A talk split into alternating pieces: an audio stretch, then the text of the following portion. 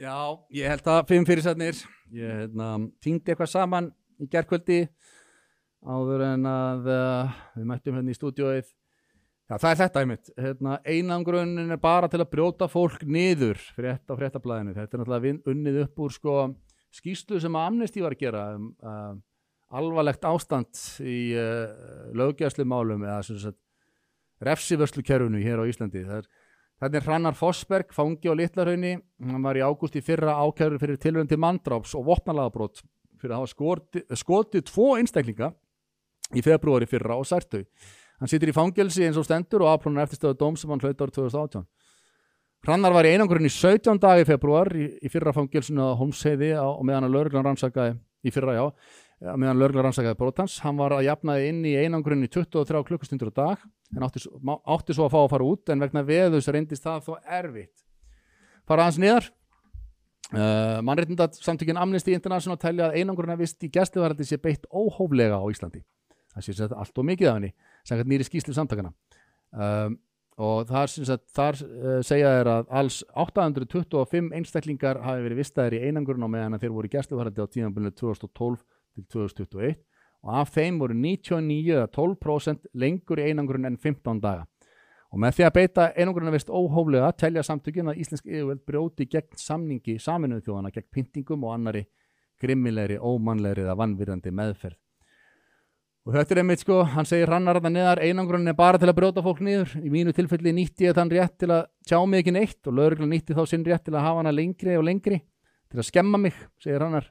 Hann segir að það hefur alveg skýrt frá upphæðu að hann hefði ekkert alltaf að tala. En þetta er mannskemmandi. Ef þú ert ekki með sterkan huga þá fer þetta illa með fólk.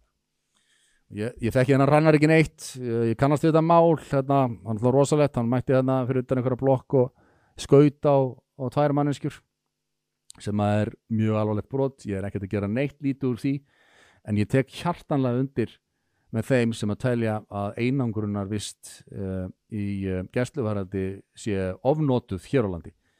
Ég þekki persónlega bara mjög góða vini sem að hafa rent í margfall lengri einangurinn heldur en þessi rannar sem, að, sem að var þó að sko, plaffa niður fólk. Það, þeir voru teknir fyrir fíknirna innflutning og ég man ekki hvað var langt en það var margfall lengra en þetta. Það voru einhverjum mánuður í einangurinn og þetta er ekkert grín. Þetta er bara svaðaleg pynting. Já, ég held að engin einangurinn sé eitthvað að hugsa sinn gang og ákveðast að bara breyta, veist, þetta bara hefur öfug áhrif sko er sko og skemmir menn sko. En hugmyndin þarna er greinilega sko að þú veist, láta það vera einangurinn þangur til þú bugast og bara ég skal viðurkenna allt, ég skal viðurkenna allt og, og það er bara ekki hefna, lögmætt sko aðferð til þess að leysa glæpamál. Þú veist, það er ekki, þú hefur ekki heimil til þess að pynta menn til frásagna og þetta er pynting til frásagna sko, það er bara þannig. Og uh, samtök eins og Amnesty International eru bara að hugsa um það sko, mannréttindi, mannréttindi allra, líka sakamanna.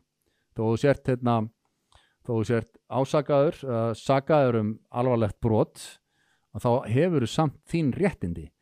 Og við getum ekki liðið það að yfirvöld hér heimili pyntingar þegar að, eins og ég segi einangurinn að vist er ekkit annað en pynting þetta, þessi 15 dagar sem talaður um þarna er bara peanuts með það sem að uh, gengur og gerist í þessum efnum. Ég veit, veit það sjálfur frá fyrstu hendi að þess, þess að ég þekki menn sem hafa verið í langri einangrun og ég tek bara innilega undir þetta. Þetta er eitthvað sem að hérna, um, við þurfum að sagt, ég satt að hérna áður ég stið laurugluna, ég stið það að þessi haldið upp í lög og reglu í landinu ég stið það að glæpamenn þurfi að svara til saka þeir verða að fá réttláta málsmeðferð og þeir þurfa uh, þá síðan að fá, þeir geta fengið refsingu ef svo má segja, og ég, ég sé ekki hlindu refsingu en þeir þurfa að taka út sinn dóm að honum upp kveðnum. Þú, en þú tekur ekki út refsingu áður en að þú hefur verið sko að sekt þín hefur verið sönnuð.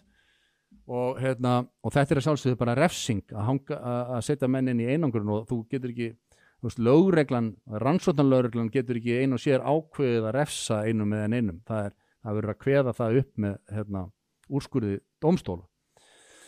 Það var það sem ég vildi segja um þessa frétt